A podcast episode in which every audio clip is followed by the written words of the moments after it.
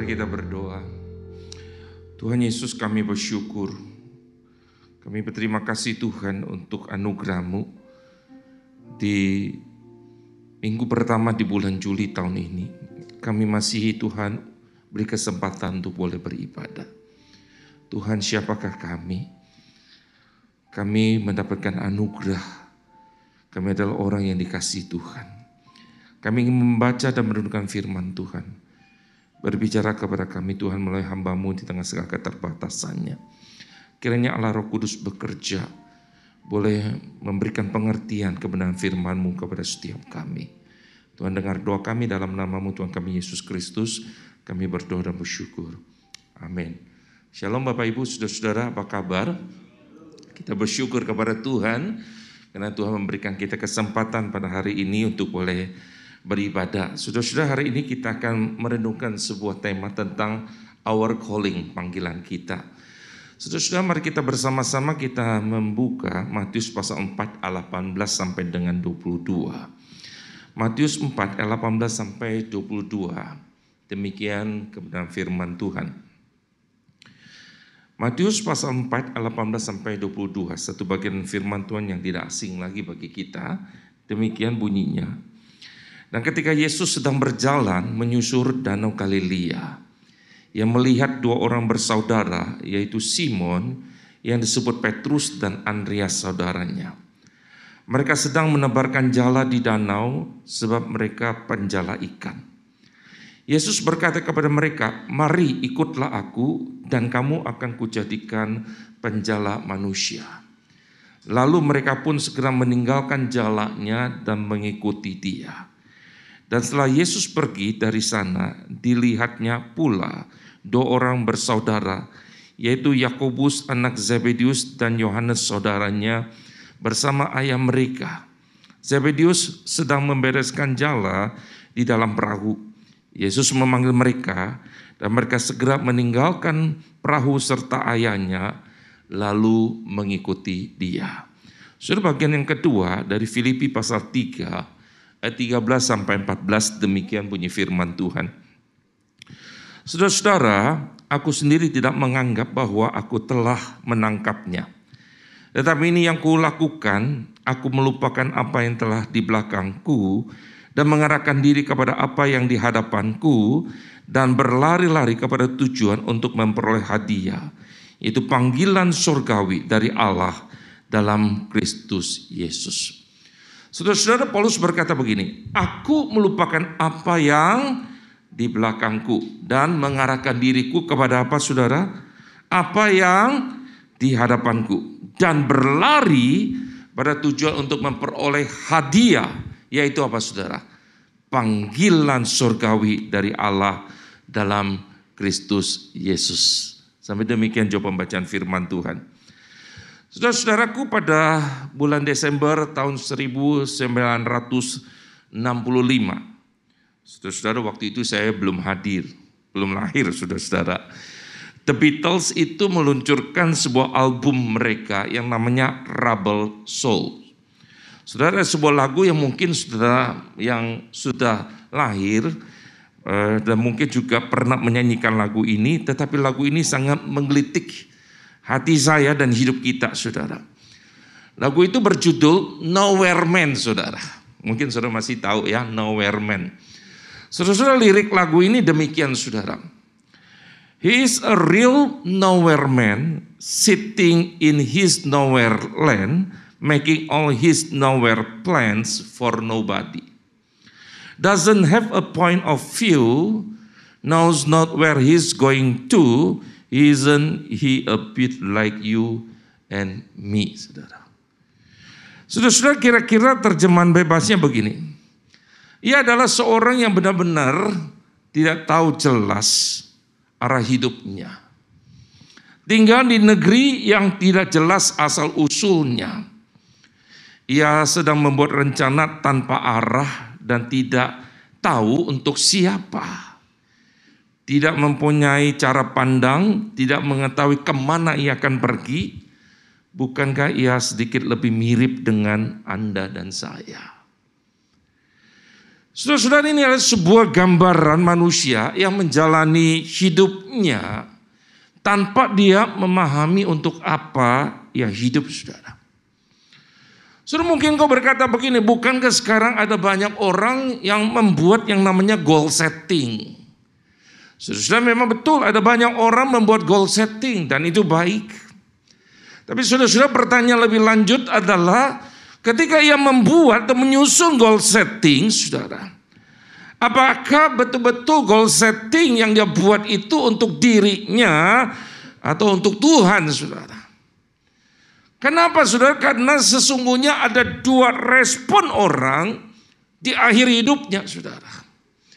Yang pertama, saudara-saudara, di akhir hidupnya ada orang yang kemudian dia bersyukur kepada Tuhan dia bisa berkata, Tuhan aku bersyukur, aku boleh mengakhiri hidupku, sebab aku boleh menggenapi kehendak Tuhan di dalam hidup saya. Atau saudara-saudara, ada tipe orang yang kedua responnya adalah begini, Tuhan aku menyesal, karena aku tidak isi kehidupanku dengan baik, dan aku tidak punya kesempatan untuk memperbaikinya. Saudara-saudara saya berdoa agar setiap kita memang yang pertama.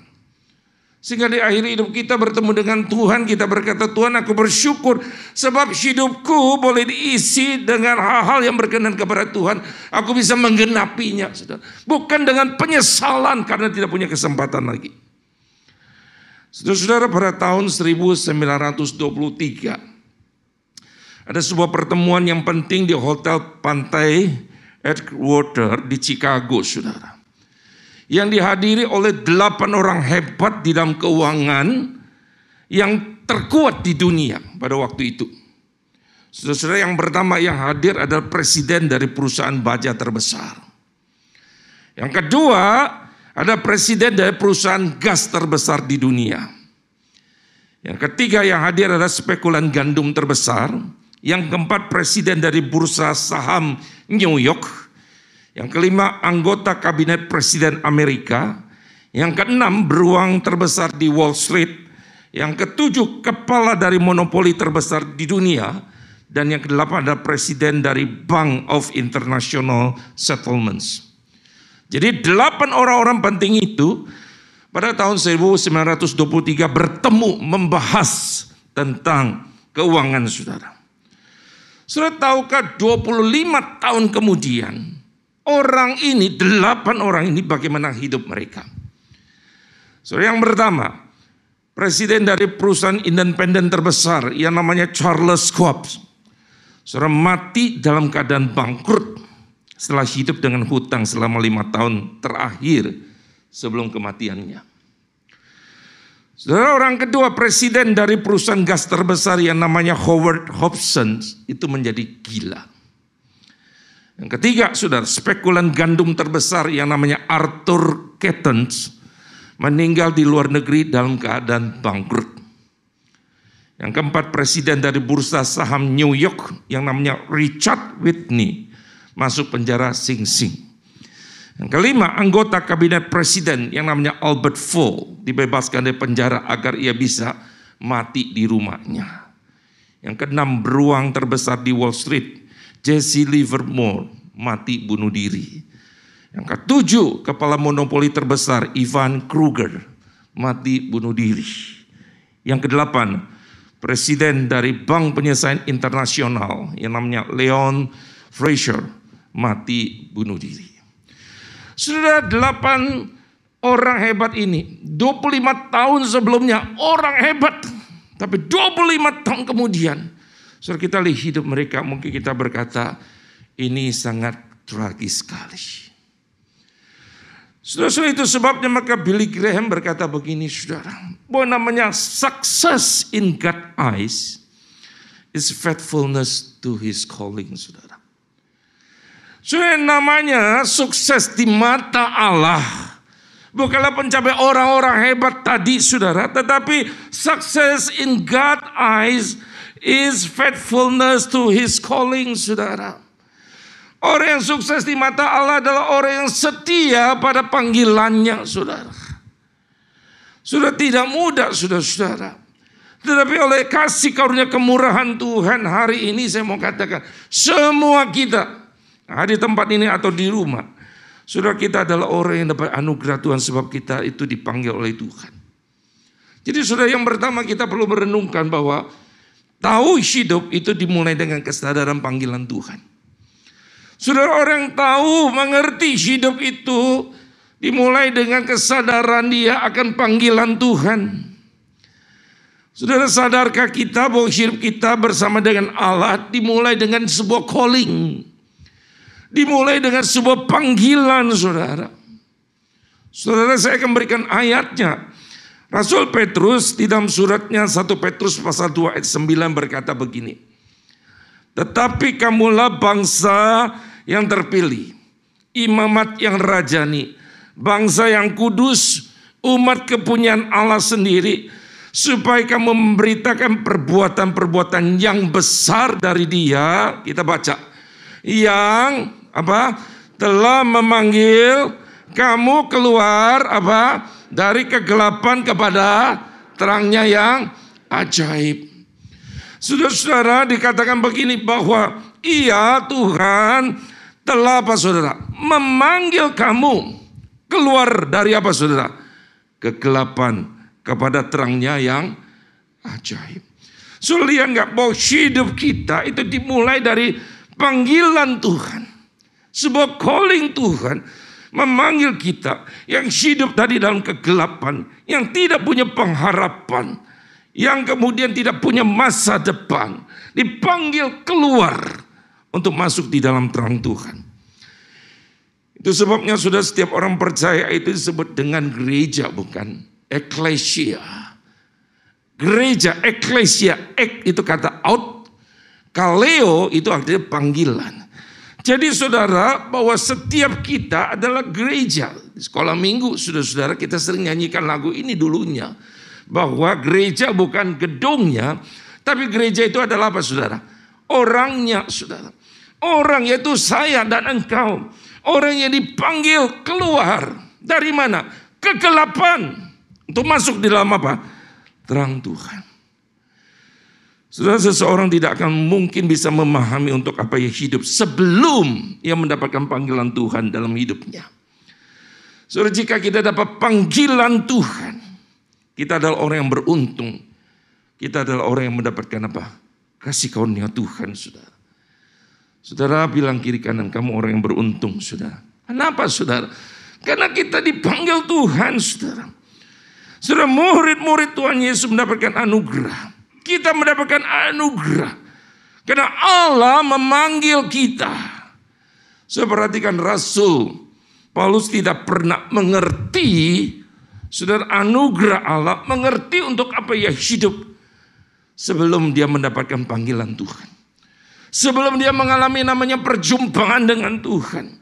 Saudara dia pikir dia hidup dulu untuk apa? Untuk memuaskan dirinya untuk berusaha menyenangkan para pemimpin rohani pada waktu itu. Ingin membunuh pengikut-pengikut Kristus. Dia pikir itu kebanggaannya. Tapi kemudian dia bertemu dengan Tuhan mendapatkan panggilan Tuhan. Dan perjalanannya di Damsik. Dan di situlah saudara sebuah changing life yang terjadi di dalam hidupnya saudara. Saudara itu sebabnya kita akan mengerti terlebih dahulu bahwa kalau kita ingin mengerti hidup itu dimulai dengan kesadaran kita akan panggilan Tuhan. So yang kedua, kita akan mengerti apa isi panggilan Tuhan ini. Kalau saudara membaca dalam Matius pasal 4 ayat 1922 maka kita akan menemukan sekali, menemukan dengan jelas sekali tujuan Allah memanggil kita. Apa tujuan Allah memanggil kita, saudara? Sangat sederhana. Tuhan memanggil kita supaya kita mengikuti dia. Mengikuti Yesus. Sudah sangat simpel Yesus berkata begini. Mari ikutlah aku Tuhan bilang. Saudara-saudara Injil Matius itu ditulis untuk orang Yahudi. Sudah dalam tradisi kerabian orang Yahudi, guru tidak pernah cari murid. Murid yang harus berusaha mencari seorang guru dalam hidupnya. Tapi sudah berbeda dengan Tuhan Yesus. Tuhan Yesus berinisiatif mencari mereka. Tuhan Yesus mencari kita. Ini prinsip yang sangat biblical, saudara. Alkitabiah. Allah berinisiatif mencari manusia. Manusia itu tidak bisa mencari Allah. Tuhan berinisiatif mencari manusia yang berdosa. Saudara, ini bedanya saudara.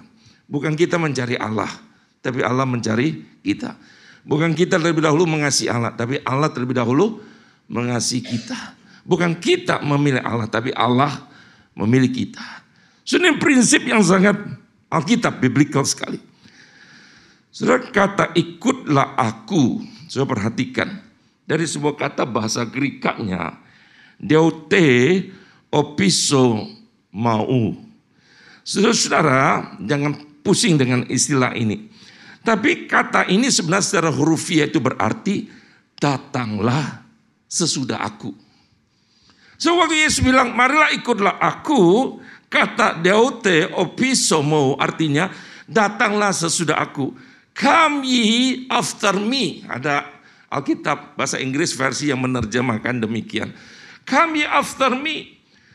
Seorang murid saudara akan mengikuti gurunya. Ke mana saja ia pergi. Seorang murid itu akan mengikuti gaya hidup gurunya saudara.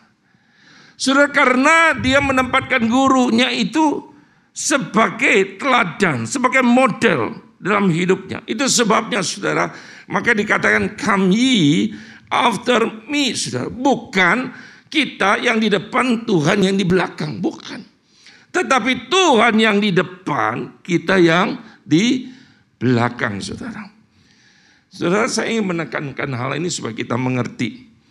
Sudah saya ingin ajak kita komperisasi untuk memahami kebenaran ini dalam catatan Matius juga.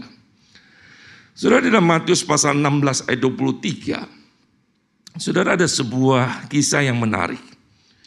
Saudara pada saat Tuhan Yesus menyatakan kepada murid-muridnya bahwa ia akan pergi ke Yerusalem dan menanggung banyak penderitaan dari pihak tua-tua, imam-imam kepala dan ahli Taurat.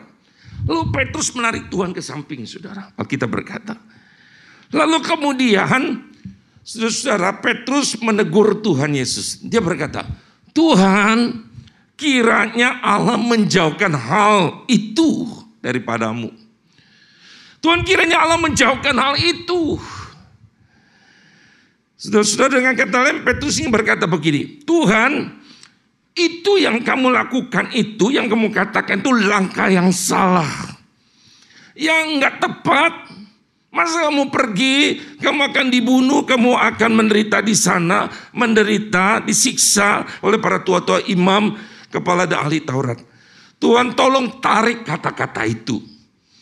Tuhan tolong cabut istilahnya. Tuhan batalkan. Jangan sampai terjadi, batalkan. Sudah-sudah tahu nggak apa respon Tuhan? Dalam Matius 16 ayat 23 Tuhan berkata begini. Lembaga Alkitab Indonesia menerjemahkan begini. Maka Yesus berpaling dan berkata kepada Petrus, Enyala iblis, engkau suatu batu sandungan bagiku, sebab engkau bukan memikirkan apa yang dipikirkan Allah, melainkan apa yang dipikirkan manusia. Saudara-saudara, Lembaga Alkitab Indonesia tidak menerjemahkan ada tiga kata di dalam bahasa Greka yang sangat penting, saudara. Kalau saudara cek di NIV itu ada, saudara. Tapi saya nggak ngerti kenapa tidak diterjemahkan tiga kata ini. Yaitu di dalam bahasa bahasa Yunaninya dari kata upage opisomou seperti tadi di atas. Tapi ini pakai upage opisomou. So pada waktu si Petrus mendengar Tuhan ngomong sedemikian, lalu dia tarik Tuhan ke samping. Dia bilang, Tuhan kiranya Allah menjauhkan itu daripadamu. So Tuhan berkata, upage opiso mau. Artinya apa? Pergilah ke belakangku. Sudah ini kata yang tidak diterjemahkan LAI. Tetapi sudah di dalam bahasa Inggris NIV menerjemahkan kata ini. Pergilah ke belakangku. Jadi pada waktu Petrus berkata kepada Tuhan, Tuhan jangan itu terjadi. Lalu Tuhan berpaling kepada Petrus dan berkata, pergilah ke belakangku. Kenapa saudara Tuhan berkata, Petrus pergilah ke belakangku. Karena saat itu Petrus memposisikan dirinya itu di depan Tuhan. Dia memposisikan diri, Tuhan, you yang jadi follower saya. I'm a leader. Aku di depan. Jadi Tuhan, udah saya mengatur kamu. Jangan pergi ke sana. Jangan lakukan itu. Tuhan bilang apa? Petrus, pergilah ke belakangku. Artinya apa? Kalau engkau menjadi follower, engkau harus di belakang. Bukan di depan yang mengatur Tuhan. Saudara-saudara yang terkasih dalam Tuhan, bukankah kita tahu bahwa kita itu murid Tuhan? Kita itu bilang kita pengikut Tuhan. Tapi bukankah dalam kehidupan kita pun sering kali kita berkata Tuhan, stay back, Tuhan engkau di belakang saja. Aku yang di depan, aku yang mengatur. Tapi saat itu Tuhan akan berkata, hai kamu pergi ke belakangku. Sebab apa? Kalau engkau ada followernya aku, maka engkau harus apa? Di belakang, Tuhan di depan. Sepernahkah kita memang menyerahkan Tuhan apa maumu Tuhan? Udah maumu yang terjadi. Bukan kita bilang Tuhan tolong stempel apa yang aku mau. Bukan itu saudara. Saudara-saudara, tahukah saudara pada waktu Tuhan bilang, follow me. Tuhan berkata, ikutilah aku saudara. Sebenarnya Tuhan dengan berkata panggilan itu sebenarnya memberikan identitas kepada kita. Saudara ini sangat penting. Panggilan itu memberikan identitas. Siapa diri kita? Tuhan berkata bahwa kamu ada pengikut aku. Saudara-saudara, baik engkau mau jadi pendeta, baik engkau pengusaha, baik engkau dokter, baik engkau bisnismen, engkau menjadi guru, engkau menjadi pengacara, saudara. Saudara itu pekerjaan kita. Tapi identitas kita adalah pengikut Kristus. Sehingga di dalam area usaha karya kita menjadi seorang pengkhotbah, jadi seorang pelayan Tuhan, menjadi seorang saudara-saudara pengusaha, jadi seorang dokter saudara, jadi seorang pengacara. Saudara, itu ada area kerja kita. Itu profesi kita. Tetapi diri kita ada identitasnya adalah apa? Murid Tuhan. So ini sangat penting sekali. Sudah anak saya sering diskus sama saya dan bilang begini. Bilang, Pi, kenapa sih aku sih tidak senang gitu. Kalau misalnya ada yang berkata begini, eh anak pendeta nggak boleh tuh begini. Anak pendeta nggak boleh tuh begitu gitu. Saya berkata ya bersyukur berarti dia care. Tapi saya bilang begini, tunggu dulu. Ada nggak di Alkitabmu, tapi di Alkitab papi tidak ada. Anak pendeta tidak boleh begini. Yang Tuhan bilang adalah siapa? Anak Tuhan bukan. Orang percaya bukan. Murid Tuhan bukan. Jadi bukan anak pendeta saudara. Bukan anak majelis. Tapi semua kita. Saudara-saudara artinya sekali lagi saudara. Semua kita pengikut Tuhan saudara. Ada sebuah identitas yang diberikan. Engkau pengikut aku. Kalau engkau sadar itu maka engkau akan tahu. Ini boleh nggak aku lakukan ini boleh nggak aku lakukan? Ini penting sekali. Saudara-saudara yang kedua. Saudara-saudara pada waktu Tuhan memanggil kita. Tuhan punya tujuan. Yang pertama, ikutlah aku. Tapi yang kedua, Tuhan ingin kita mengerjakan misi Allah. Ini penting. Saudara Tuhan berkata, marilah ikutlah aku dan kamu akan kujadikan penjala manusia sia, saudara. Jelas sekali, mari ikutlah aku, aku di depan, kamu ikut. Tapi kemudian yang kedua, tujuannya yaitu kamu akan kujadikan penjala manusia. Sudah panggilan mengikuti Tuhan Yesus dan menjadi penjala manusia. Itu bukan pilihan, kau mau pilih yang mana? Engkau ikut Tuhan atau engkau mau jadi penjala manusia? Enggak. Dua-duanya ini sudah seperti dua sisi mata uang tidak bisa dipisahkan. Jadi panggilan Tuhan itu meliputi yaitu kita ngikut Tuhan dan saudara menjadi penjala manusia. Banyak kita berkata udah gue jadi ngikut Tuhan aja. Tapi susah untuk menjadi penjala manusia. Bukan pilihan. Itu ada satu paket dari apa? Panggilan Tuhan. Dietrich Bonhoeffer dalam bukunya The Cost of Discipleship, dia berkata begini. When Christ called a man, he bid him come and die. Saudara ketika Kristus memanggil seseorang, ia memanggilnya datang dan mati. Saudara bilang sadis banget. Benarkah seperti itu? Iya. Karena sekali lagi waktu Tuhan panggil kita untuk menjadi pengikut Tuhan. Lalu Tuhan bilang kamu akan menjadi penjalan manusia. Saudara tidak mungkin itu terjadi. Saudara dan kita nggak bisa menggenapi misi Allah dalam hidup kita. Jika kita masih saudara-saudara. Sekali lagi hidup untuk diri kita sendiri. Sudah sulit untuk dengar suara Tuhan bahkan memahami kehendaknya. Kalau kita terlalu sibuk kadang dengan suara hirup pikuk, suara di sekitar kita. Itu sebabnya di Bonhoeffer berkata, kita perlu mati terlebih dahulu untuk bisa fokus mendengarkan suara Tuhan. Saudara-saudara, Allah menciptakan kita sebenarnya untuk apa? Saudara Allah menebus kita untuk apa? Untuk kemuliaannya, saudara jelas. Saudara saya ingin kita melihat dalam Yesaya pasal 43 ayat 6 sampai 7 saudara. Saudara dalam Yesaya 43 ayat 6 sampai 7 Tuhan berkata demikian saudara. Aku Tuhan berkata akan berkata kepada utara berikanlah dan kepada selatan jangan tahan-tahan Bawalah anak-anakku laki-laki dari jauh dan anakku perempuan dari ujung-ujung bumi. Semua orang yang disebutkan dengan namaku yang kuciptakan untuk kemuliaanku yang kubentuk dan yang juga kujadikan. Tuhan berkata begini, hai utara, berikanlah. Hai selatan, jangan tahan-tahan. Bawalah anakku laki-laki dari jauh, anak perempuanku dari ujung bumi. Bawa mereka. Semua yang kusebut dengan namaku. Yang kuciptakan. Untuk apa saudara? Kemuliaanku. Kuciptakan untuk apa? Kemuliaanku. Kutebus untuk apa? Kemuliaanku. Kuselamatkan untuk apa? Kemuliaanku. Saudara itu sebenarnya Rasul Paulus memahami kebenaran ini sehingga kemudian menulis surat kepada jemaat di Korintus. Mungkin jemaat Korintus kau berkata begini, kok kepo banget ya? Kok ngaturnya kecil-kecil? Iya, karena untuk kemuliaan Tuhan. Maka saudara-saudara Paulus berkata dalam 1 Korintus 10 ayat 31.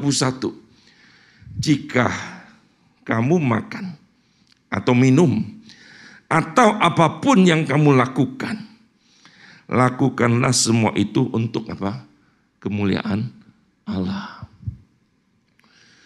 Semungkin berpikir gini, kok sampai makan diatur? Iya. Tuhan tidak bilang begini, enggak boleh makan, boleh. Tapi kamu ketika menikmati makan itu, kamu lakukan itu, adakah engkau demi kemuliaan Tuhan? Untuk kemuliaan Tuhan, adakah kita bisa bersyukur, saudara? Terus sering kali kalau saya lihat kalau makan ya kita ya makanan keluar yang pertama kita lakukan nah, foto-foto dulu, foto. Jangan makan dulu ya, foto. Betul ya, sampai saya itu uh mau ngambil aja nggak boleh dulu gitu. Foto dulu saudara. Tapi saudara kadang sering kali sudah foto apa, ambil ambil ambil makan. Bersyukur nggak, doa nggak? Oh lupa doa.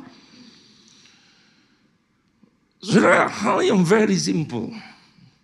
Tapi kadang kita lupa, sudah. Kalau kita lupa doa, bagaimana kita bisa memuliakan Tuhan, sudah. Tuhan, makanan ini thank you ya. Kita bisa ingat, itu pemberian Tuhan, itu berkat Tuhan. Apakah kita lakukan itu untuk kemuliaan Tuhan?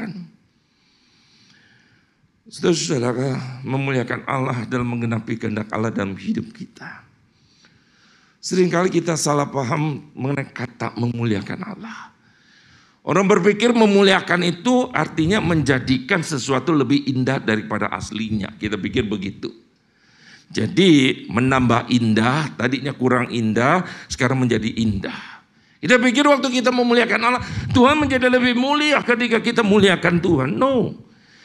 Jangan lupa bahwa Allah tidak dapat kita jadikan lebih mulia dan lebih indah dari aslinya. Karena apa? Sejak awal Allah mulia. Ini penting saudara. Sehingga tapi Lukas dalam kisah Rasul 17.25 berkata bahwa ia itu tidak dilayani oleh tangan manusia. Seolah-olah ia kekurangan apa-apa. Karena dialah yang memberikan hidup dan nafas dan segala sesuatu kepada semua orang. Sudah hari ini kita bisa hidup, hari ini kita bisa bernafas. Itu karena Allah yang memberikannya. Hari ini kita bisa berkarya. Hari ini kita bisa melayani. Itu karena pemberian Allah saudara. Itu sebabnya kita nggak bisa berkata, Tuhan aku ingin berikan kepadamu, engkau kurang mulia, maka aku berikan kemuliaan kepada Tuhan. Enggak saudara. Itu sebabnya ketika memuliakan Allah itu berarti kita menggenapi misi Allah di dalam dunia ini. Kamu akan kujadikan penjala manusia. Saudara, saya tidak tahu apa yang ada di pikiran kita ketika kita mendengar kata, kamu akan kujadikan penjala manusia. So perhatikan kata ini penting. Kita ucapkan bersama-sama. Kamu akan kujadikan penjala manusia. Coba ngomong, satu, dua, tiga. Saudara-saudara kalau engkau coba renungkan, kamu akan kujadikan. Siapa yang menjadikan kita penjala manusia? Tuhan. Tuhan yang akan menjadikan kita penjala manusia. Tapi Tuhan ingin hidup kita, respon kita, saudara hati kita sungguh-sungguh kita berikan kepada Tuhan. Dan itu bagian Tuhan akan memakai kita menjadi penjat manusia. Tapi apakah kita berani saudara menyerahkan hidup kita bahwa Tuhan panggil aku untuk menjadi penjalan manusia. Sudah saya tahu tidak mudah. Saudara-saudara ada banyak jemaat yang tanya kepada saya. Kenapa musuh ingin jadi hamba Tuhan? Gimana ceritanya? Ada nggak sih sebenarnya di keluarga musuh yang jadi pendeta, jadi hamba Tuhan? Sudah jujur saya mengatakan tidak ada. Kenapa? Karena saya yang pertama Tuhan panggil dalam keluarga boleh percaya kepada Tuhan. Keluarga saya dari keluarga yang belum mengenal Tuhan. Dan saudara saya belajar beberapa kepercayaan saudara agama pada waktu itu. Saudara saya ingin mencari sebuah kebenaran saudara. Ya, tapi jujur saudara, saya tidak mendapatkannya. Tapi sangat ajaib adalah saudara, kenapa saya bisa mengenal Tuhan? Saya berhutang Injil. Saudara sangat simpel sekali. Saudara ini pekerjaan Tuhan luar biasa. Tuhan bisa pakai siapa pun. Tuhan bisa pakai Darius, sudah perhatikan. Saudara raja yang sebenarnya tidak percaya kepada Tuhan. Tuhan bisa pakai Herodes. Saudara Tuhan bisa pakai siapa pun saudara. Tapi hari ini kalau Tuhan pakai kita untuk menjadi penjala manusia, kita adalah orang yang beruntung saudara. Sudah very simple, saya percaya kepada Tuhan. Saya diajak oleh seorang teman yang pada waktu itu dibilang di gereja ada persekutuan Padang. Dia bilang begini, teman-teman lagi kumpul. Dia Saudara yang ngajak saya itu saudara, bukan orang percaya. Saudara dari agama seberang. Tapi bawa saya untuk kumpul di pantai. Di situ kumpul-kumpul, nyanyi-nyanyi, belajar firman Tuhan. Dan situ saya mengenal Kristus, saudara. Saudara, waktu saya mengenal Tuhan, hati saya berkobar-kobar. Saudara, saya baca Alkitab pada waktu itu kan tidak ada Alkitab elektronik. Alkitab saya, saya pilo setiap hari saya baca pagi, siang, malam. Dalam waktu singkat berapa bulan saudara dari PLPB saya selesai membacanya saudara. Sudah hati saya begitu menggebu-gebu untuk melayani Tuhan. Saudara saya bilang Tuhan saya mau melayani Tuhan. Saudara saya mengerti ketika orang melayani Tuhan itu saudara ada banyak tantangan dan bergumulan menyerahkan hidupnya. Saudara saya hari ini kalau saya tanya Musa bisa khotbah kok gentar nggak sih? Pasti masih gentar. Di hadapan ratusan orang, ribuan orang, saya pernah berkhotbah. Tapi saudara-saudara jangan pikir bahwa saya itu punya keberanian seperti itu. Saya itu saudara-saudara dulu ngomong depan orang itu takut. So, jadi saya mengerti kalau orang ngomong depan pegang mic begini, saya paham saudara. Dan saudara bilang, oh di depan pegang mic aja begini, coba yuk maju. Di bawah saudara kita gampang. Tapi di atas ngomong, saudara ada yang ngomong sama saya, saya berdiri musuh tiba-tiba teksnya hilang semua putih semua gitu. Apa yang sudah ditulis jadi putih semua. So itu yang saya alami, sudah sehingga saya mengerti ketika orang di atas mimbar itu tidak mudah. Saudara saya mau ngajar sekolah minggu pertama kali, saya jadi asisten, lalu jadi ngajar sekolah minggu. Sudah nggak gampang jadi guru sekolah minggu.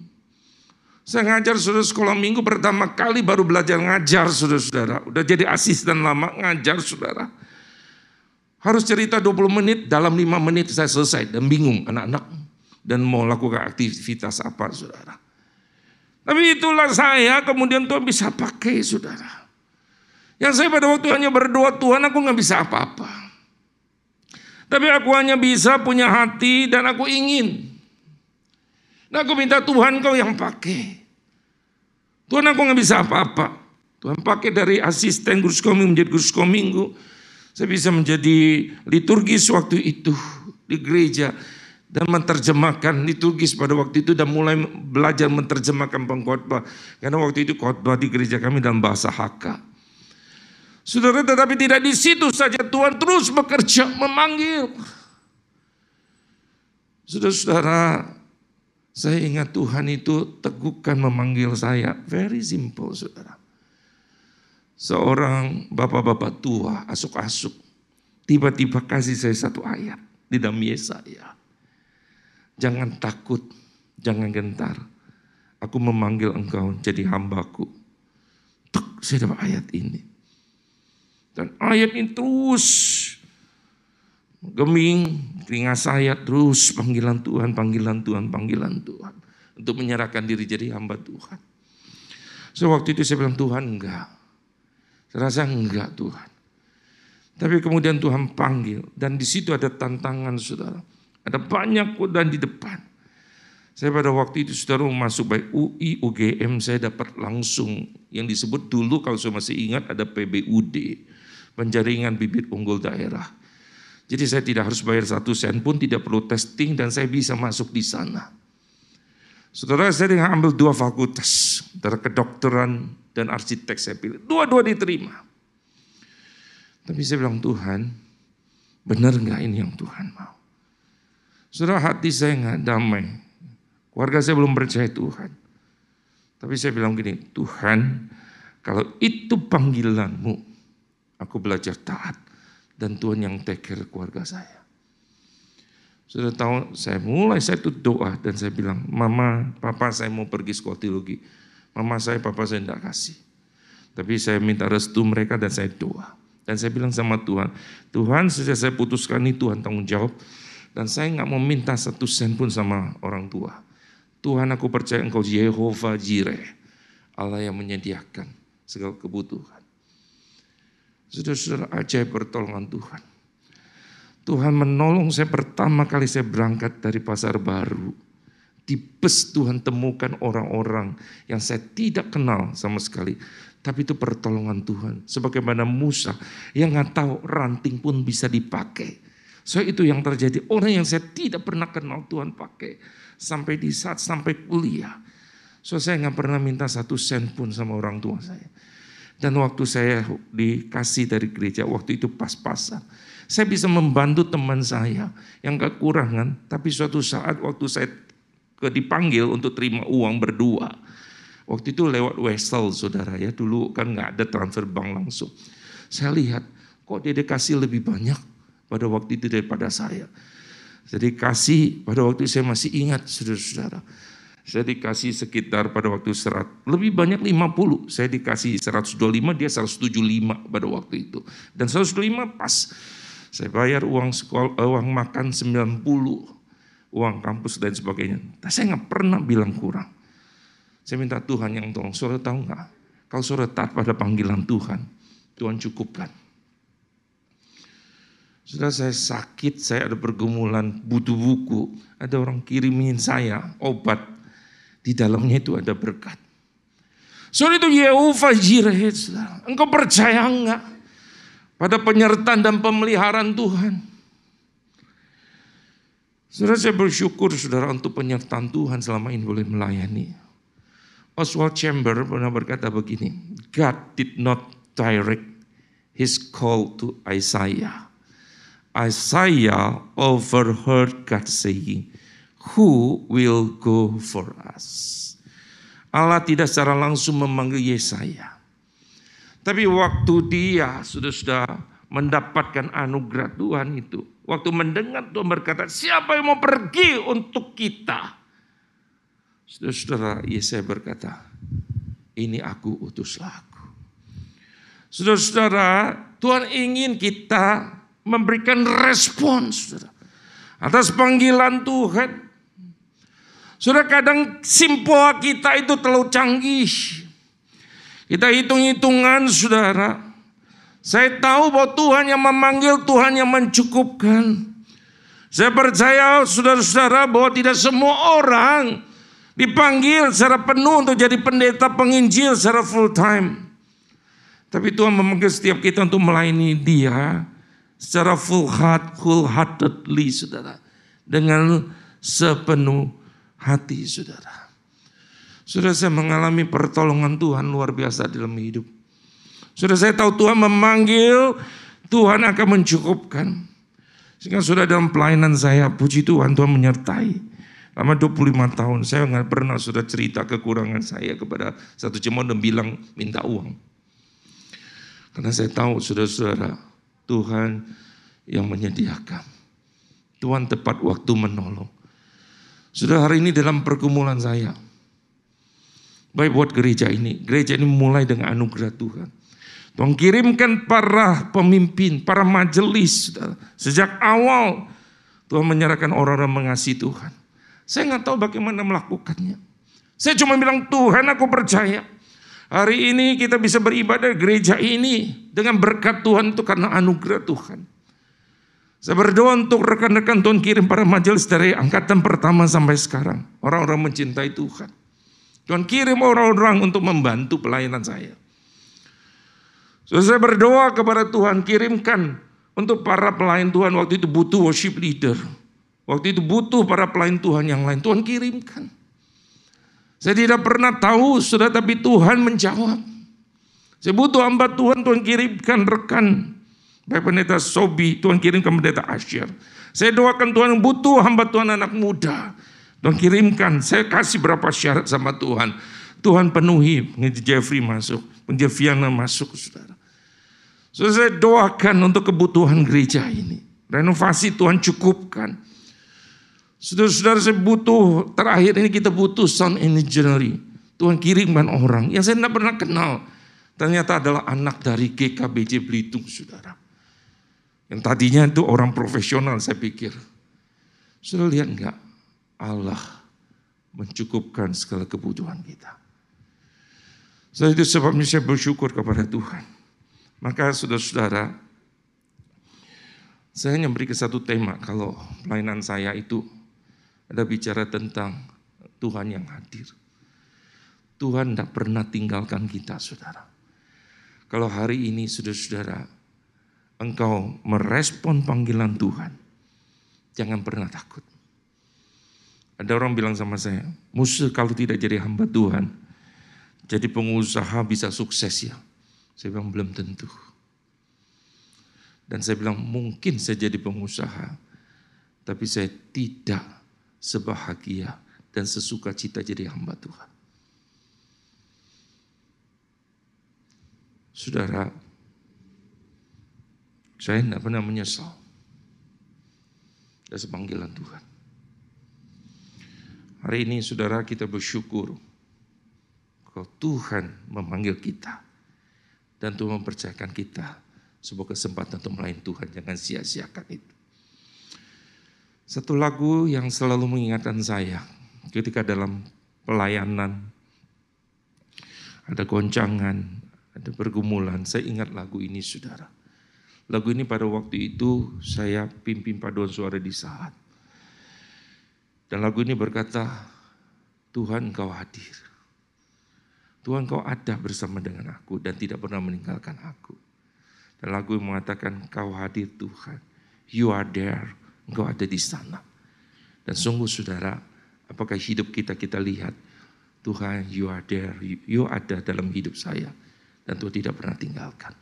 Kami waktu teduh, dan saya ingin putarkan lagu ini untuk kita merenungkan. Dan lagu ini dalam bahasa Inggris, tetapi saya kasih teks dalam bahasa Indonesia-nya. Mari kita ambil waktu teduh di hadapan Tuhan. You are there. You are there, my Lord. Kau ada, kau hadir dalam hidup kami. Kau tidak pernah tinggalkan kami, Tuhan. Engkau menyelidiki hati kami, pikiran kami. Kau tahu ketika kami ada di samping, depan, ada di belakang, Tuhan kau hadir. Tuhan bantu kami tidak mengenapi panggilanmu Tuhan. Sehingga suatu hari ketika kami pun pulang, kami boleh dengan hati bersyukur Tuhan, thank you. You are there. Tuhan ada dalam hidup kami, sehingga kami bisa menyelesaikan misi yang Tuhan percayakan. Jangan biarkan kami Tuhan, pada waktu mengakhiri kami menyesal dan berkata, Tuhan kami menyesal kenapa kami nggak sadar. Panggilanmu dan anugerahmu yang besar. Bantu kami Tuhan. Berkati umatmu. Tidak memahami kehendakmu. Dalam nama Tuhan Yesus kami berdoa. Amin.